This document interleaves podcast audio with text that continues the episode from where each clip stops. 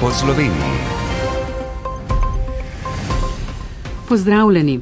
Kot vse kaže, bodo turisti že to sezono lažje prispeli do Šopca, vendar bo njihova pot do Bleda precej otežena zaradi graditve nove obvoznice. Prometnega kolapsa se bojijo tudi domačini.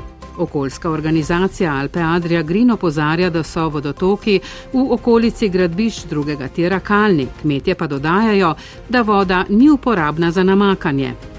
Pri graditvi limbuške obvoznice so našli okostje iz novega veka in ostanke iz rimske dobe. Tudi v Ajdovščini se bo podražil vrtec. V Novi Gorici začenjajo projekt Smeš, med drugim bodo raziskovali kognitivne sposobnosti delfinov. Na Ponikvi v občini Šentjur pa so uscvetele velikonočnice, ki v vsej južni Evropi uspevajo le v Sloveniji. Na potep po Sloveniji vas vabim Sabrina Mulec.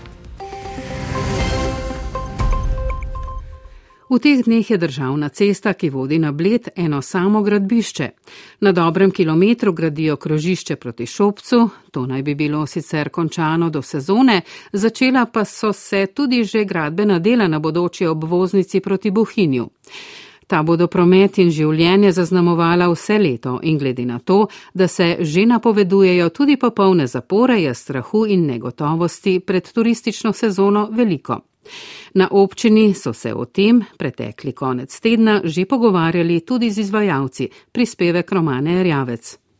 Če gremo po vrsti, prvo gradbišče je še na območju občine Radovlica in bo v poletni sezoni rešilo problematiko prometa na odcepu za kamp Šobec. Zanj so se, pravi direktor Uroš Ambrožič, borili več kot 15 let, financira ga država, niso pa niti v podjetju stali križem rok. Da bi pospešili to nujno investicijo, so sami poskrbeli za vsa potrebna zemlišča. Predvsem zavijanje levo proti bledu je bilo zelo nevarno z vidika naših gostov v poletnih mesecih s prikolicem, z avtodomi. Mi smo že v preteklosti s ciljem postaviti krožišče kupili oziroma pač eh, uredili vse zemljiške eh, zadeve. V lanskem letu podpisali pogodbo o prenosu zemljišč na državo in s tem omogočili, da se je v razumnem roku začela gradnja. V manj razumnem roku, več kot pol stoletja, so namreč trajala prizadevanja, pa se je konec minulega leta vendarle začela tudi gradnja Blejske južne razbremenilne ceste. In ker so se pojavili prvi namigi, da bo izvajalec ob gradnji potreboval občasno tudi delne zapore,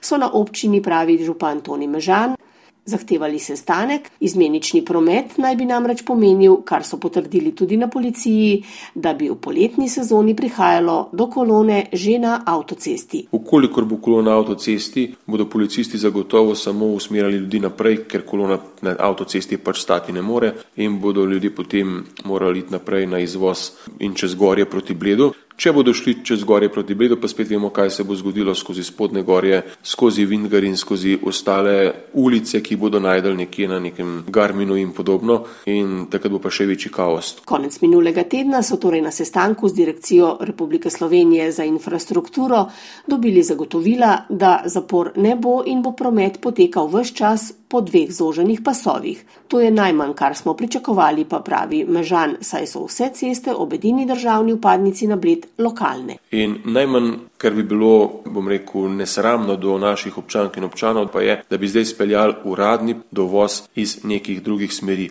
ali ne skozi Bodešče, ali skozi Peškovco, ali kjerkoli druge. In kaj na vse skupaj pravijo v Bohinju, kjer prometni kaos pravzaprav leta in leta najbolj občutijo? vsega hudega vajeni bohinci so veseli, da se je vse skupaj sploh začelo in kot pravi župan Jože Sodja, zavedajo se tudi težav, ki jih čakajo. Nažalost bo potrebno greti tudi med sezono, drugače se bo to zavleklo še za par let.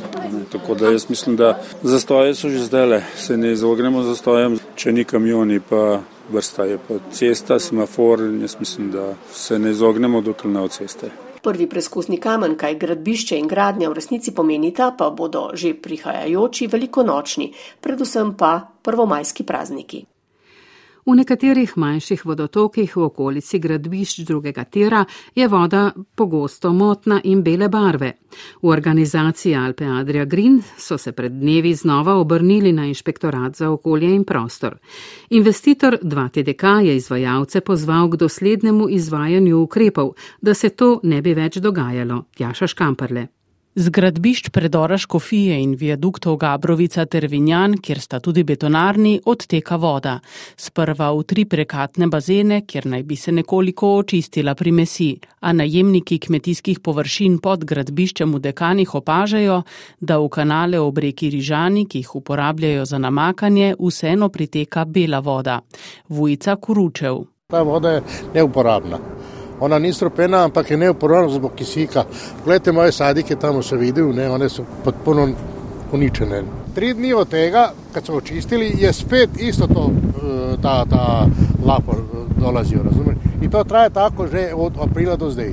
Te so spet neki dan očistili, ampak ne bo dolgo trajalo. Daša Richter je pred dnevi znova naletela na motno vodo.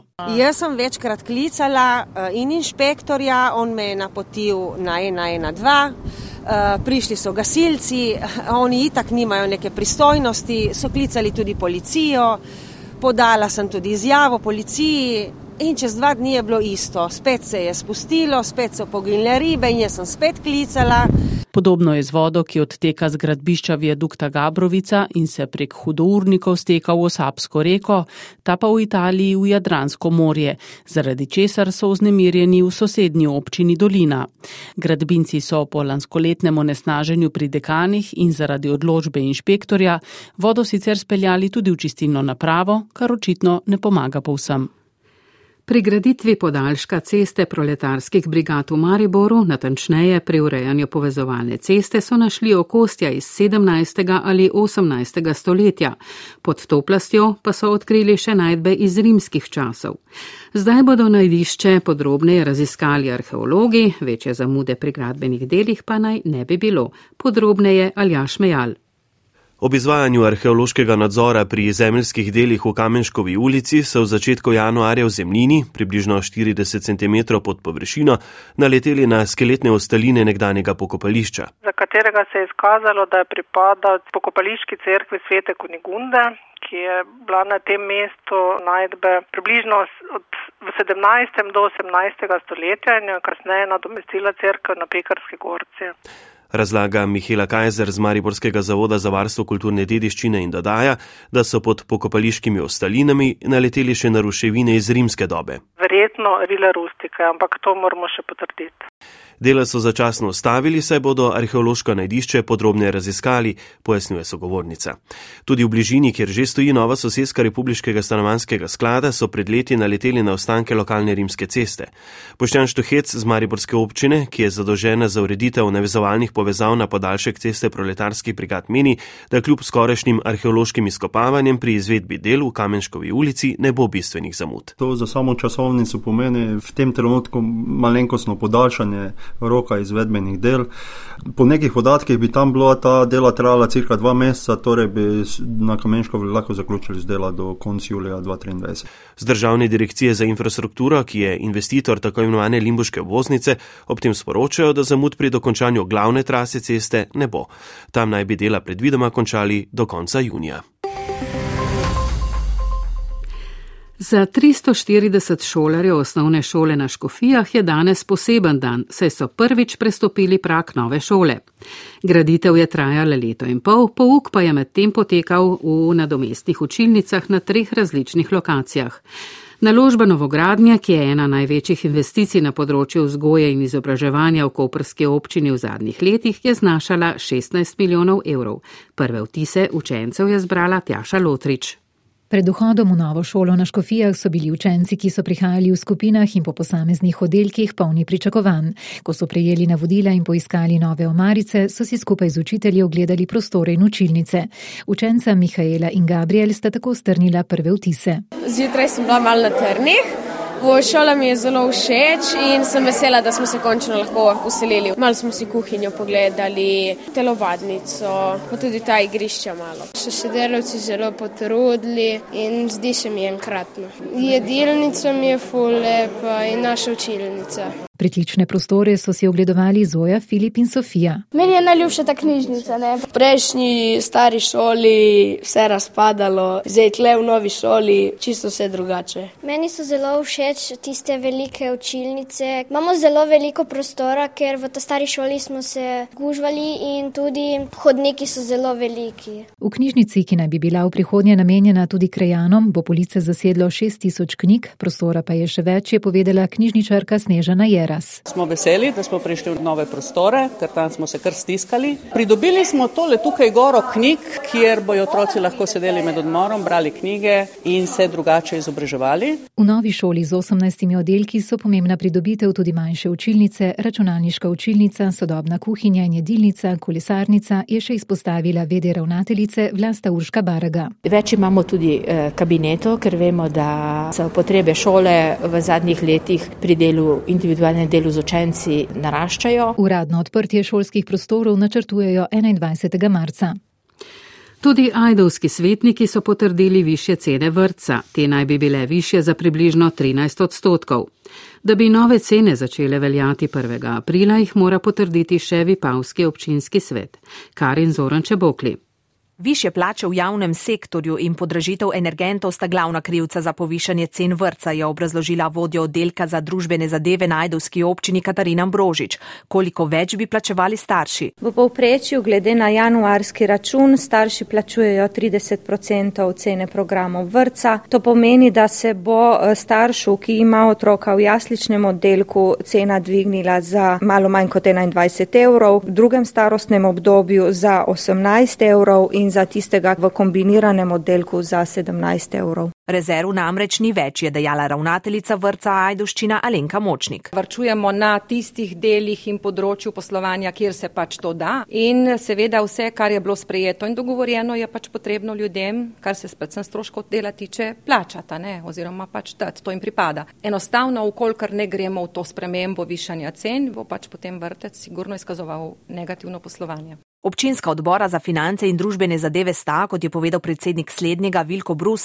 sklep o podražitvi cen potrdila stisnenimi zobmi. Svetnik Adam Raspor pa je predlagal, da bi s prejemanjem novih cen še počakali, saj je odbor državnega zbora za izobraževanje sprejel sklep, s katerim je vladi predlagal pripravo celovitega paketa ukrepov pomoči občinam, s katerim bi pokrili dvig stroškov. Župan Tadej Beočani napoveduje. V primeru, da se bo država odločila za kakršnokoli sofinanciranje, bomo seveda to upoštevali v ceni. Sprejeta podražitev vrtcev bi občino stala dodatnega pol milijona evrov. Nove cene morajo sicer potrditi še v Vipavi. Če jih bodo, bodo začele veljati 1. aprila. V oddaji po Sloveniji se bomo še malo zadržali na primorskem. Univerza v Novi Gorici je tedni začela zbirati prijave po doktorskih raziskovalcev k sodelovanju pri projektu SMEŠ, ki je namenjen uporabi strojnega učenja v znanstvenih raziskavah. Mariborska knjižnica ima novo vodstvo, brodarsko društvo Ranca Ptuj zaznamuje Abrahama, na Ponikvi pa so svetele redke in ogrožene velikonočnice. Univerza v Novi Gorici začenja v sodelovanju s petimi nosilnimi in številnimi pridruženimi partnerji projekt SMEŠ, ki je namenjen uporabi strojnega učenja v znanstvenih raziskavah. Zbiranje prijav za prvih 15 od skupno 50 podoktorskih raziskovalcev so začeli te dni. Vrednost projekta Smeš dosega 10 milijonov evrov, od tega Evropska komisija zagotavlja polovico zneska, preostalo pa Ministrstvo za visoko šolstvo, znanost in inovacije. Več Walter Pregel. Z raziskavami bodo začeli julija na petih znanstvenih področjih, med drugim o komunikaciji delfinov ali delfinščini, kot pravi Artur Stepanov z Novogoriške univerze. Jaz bi rekel, da želimo izvedeti več o kognitivnih sposobnostih delfinov, koliko bogati so, pa koliko bogat je njihov jezik. Projekt SMASH vključuje tudi področje personalizirane medicine, kako bolniku zagotoviti čim boljše zdravljenje, poudarja Vida Groznik z Ljubljanske fakultete za računalništvo in informatiko. Delamo na Parkinsonovi bolezni in tudi na demencah, kjer skušamo še pred pojavom očitnih simptomov, recimo temu, odkriti razvoj bolezni in na podlagi zdravljenja tudi zaustaviti oziroma zavreti napredek bolezni. Na državni agenciji za okolje bodo poskušali razviti nove sisteme strojnega učenja za napovedovanje ekstremnih dogodkov. Matjaš Ličer. Izkazali se je, da se da recimo pri obaljnih poplavah v Slovenskem morju z strojnim učenjem prideti precej daleč in zdaj bi mi radi šli še dlje in seveda razvili podobna urodja tudi za druge ekstremne dogodke. Uporabo umetne inteligence bodo nasploh močno okrepili, je prepričan rektor Novogoriške univerze Boštjan Golob. Poleg tega eh, je namen tega projekta tudi v povezovanju različnih področji, tako z naravoslovja kot iz humanistike. K sodelovanju v projektu SMEŠ pa želijo njegovi nosilci pritegniti tudi majhna in srednje velika podjetja. Mariborska knjižnica ima novo vodstvo. Mesec dni je, odkar jo vodi direktor Klemen Brvar, zgodovinar in geograf, ki je bil v knjižnici 13 let zaposlen kot vodja službe za prireditve in dejavnosti. Z njim smo se pogovarjali o zapuščini prejšnje dolgoletne direktorice Dragice Turjak in o pogumnih načrtih povezanih tudi z graditvijo centra Rotovš. Tamara Zupanič Čučnik. Mariborsko knjižnico so vedno vodile markantne osebnosti in taka je bila tudi nekdanja direktorica Dragica Turjak, ki je ustanovo vodila v prelomnih časih zauzemanja za novo stavbo knjižnice. Vsa druga slovenska mesta so že nekako stopila v korak z, z časom na tem področju. Pove Klemen Brvar. V sklopu centra Rotovš bo večino prostora zajemala osrednja enota Mariborske knjižnice, delili si ga bodo z umetnostno galerijo in artkinom. Uh, ti trendi so šli naprej in uh, knjižnica postaja vse bolj tudi neko srečevališče, neka platforma različnih družbenih silnic. Seveda pa bistvo knjižnice, hramba znanja in posredovanje kredibilnih informacij ostaja. Srečujejo pa se tudi s težavami financiranja. Predvsem bi mogoče izpostavil uh, financiranje uh, knjižničnega gradiva, ki je osnovno uh, orodje ali pa osnovna materija našega delovanja, ne glede na to, da, da knjiga ni več edini medij, ampak še vedno ostaja središčni medij. Ne. Iz tega izhajajo tudi njihove osnovne storitve. To, kar je zapisano v knjigah, je mogoče prenesti tudi v aplikacije, ki so mladini bližje. To so takšne eh, projekcije, ki se mi zdi, da bodo v prihodnosti pomembne, da, da pridemo do eh, generacij novih bralcev. Saj branje zahteva mir, zbranost in razmislek in na drugačen način razvija naše možgane, kot pa številne tehnične naprave. Po Sloveniji. Brodarsko društvo Ranca Ptuj bo s številnimi prireditvami vse leto praznovalo 50-letnico delovanja. Društvo je nastalo leta 1973, da bi obudili plovnost po reki Dravi, potem ko so nizvodno dolvodno Ptuja za potrebe dravskih elektraran uredili največje akumulacijsko jezero v državi, ki mu Ptujčani rečejo kar Ptujsko morje. Gabriela Milošič. Na Ptujskem morju se vedno kaj dogaja, takole našteva dolgoletni predsednik brodarskega društva Ranca Ptuj Emil Mesarič. Jadranje, treningi, tekmovanja, tečaje, ustvarjamo tabore, da dejansko otroci pridejo tja skozi poletne počitnice, ustvarjajo svoje življenje ob vode. Ob jezeru so že pred leti postavili gostinski lokal, ki popestri obisk Ptuja. Ljudje ob sprehodih s kolesi, z obiskom samega Ptujskega jezera dejansko doživijo, mi pravimo Ptujsko morje. Brodarsko društvo Ranca Ptuj že vse od leta 2004 ob 1. maju pripravlja tudi edinstven plavajoči kres na vodi. Ob letošnjem jubileju načrtujejo kar dva, napoveduje Emil Mesarič. Redli bomo potujoči kres manjši od term do rance, kjer bomo dejansko ljudi ob sprehajanju lahko to eh, videli, ta kres. In potem ta, ta manjši kres bo prišel do rance, kjer bomo imeli tisti ta veliki kres in ta veliki kres bo zagorel, ko se bo dotaknil ta mali kres, ki bo pripotoval eh, do tega našega kresa. Člane brodarskega društva Rance Ptuj veseli, da dravske elektrarne zadnja leta urejajo brežine Ptujskega jezera, s čimer te dobivajo bolj sonaraven vides in postajajo pomemben življenski prostor za vodne ptice. Za konec pa še v rojstni kraj Antona Martina Slomška. Na ponikvi v občini Šentjur so svetele velikonočnice. Gre za redke in ogrožene stepske cvetlice, ki v vsej južni Evropi uspevajo le v Sloveniji. Zavod za varstvo narave ob tem opozarja, da jih poleg podnebnih sprememb ogrožajo obiskovalci rastišča, ki se vedejo neodgovorno. Prispevek Matija Mastnaka. Velikonočnice, približno 10 cm krke vijoličaste cvetice, obdane z mehkim puhom, v Sloveniji uspevajo le na štirih rastiščih. Najbolj znano je na Boču, največje skoraj dvema hektarjama površine na Ponjekvi v občini Šentjur. Predsednik tankašnjega turistično-olepševalnega društva Zlatko Zevnik. V povprečju zadnjih letih raste nekaj preko 800. Imeli smo že tudi 1500 jih, pa tudi samo 400. Malo nihajo, pač odvisno od vremena. Ker so v preteklosti cvetele v času velike noči, so jih poimenovali velikonočnice, a v zadnjem obdobju prve zacvetijo že po zimi. Prve že vidimo konec januarja, večinoma je pa potem to konec februarja, pa potem v marcu, tam nekje do sredine marca. Letno se jih ogleda približno 1500 ljudi, obiskovalci prihajajo z vseh koncev države. Lepe sobote in nedelje privabijo razne skupine. Čeprav jih v času cvetenja zaščitijo z ograjo, jo nekateri preplezajo in cvetice poteptajo pove Gregor Kalan, Zavoda za varstvo narave. Kakšni otroci se celo igrajo ali pa celo psa spustijo čez rastišče. Največ velikonočnic pa ljudi uničijo, ko jih želijo fotografirati od blizu, za kar ni nobene potrebe.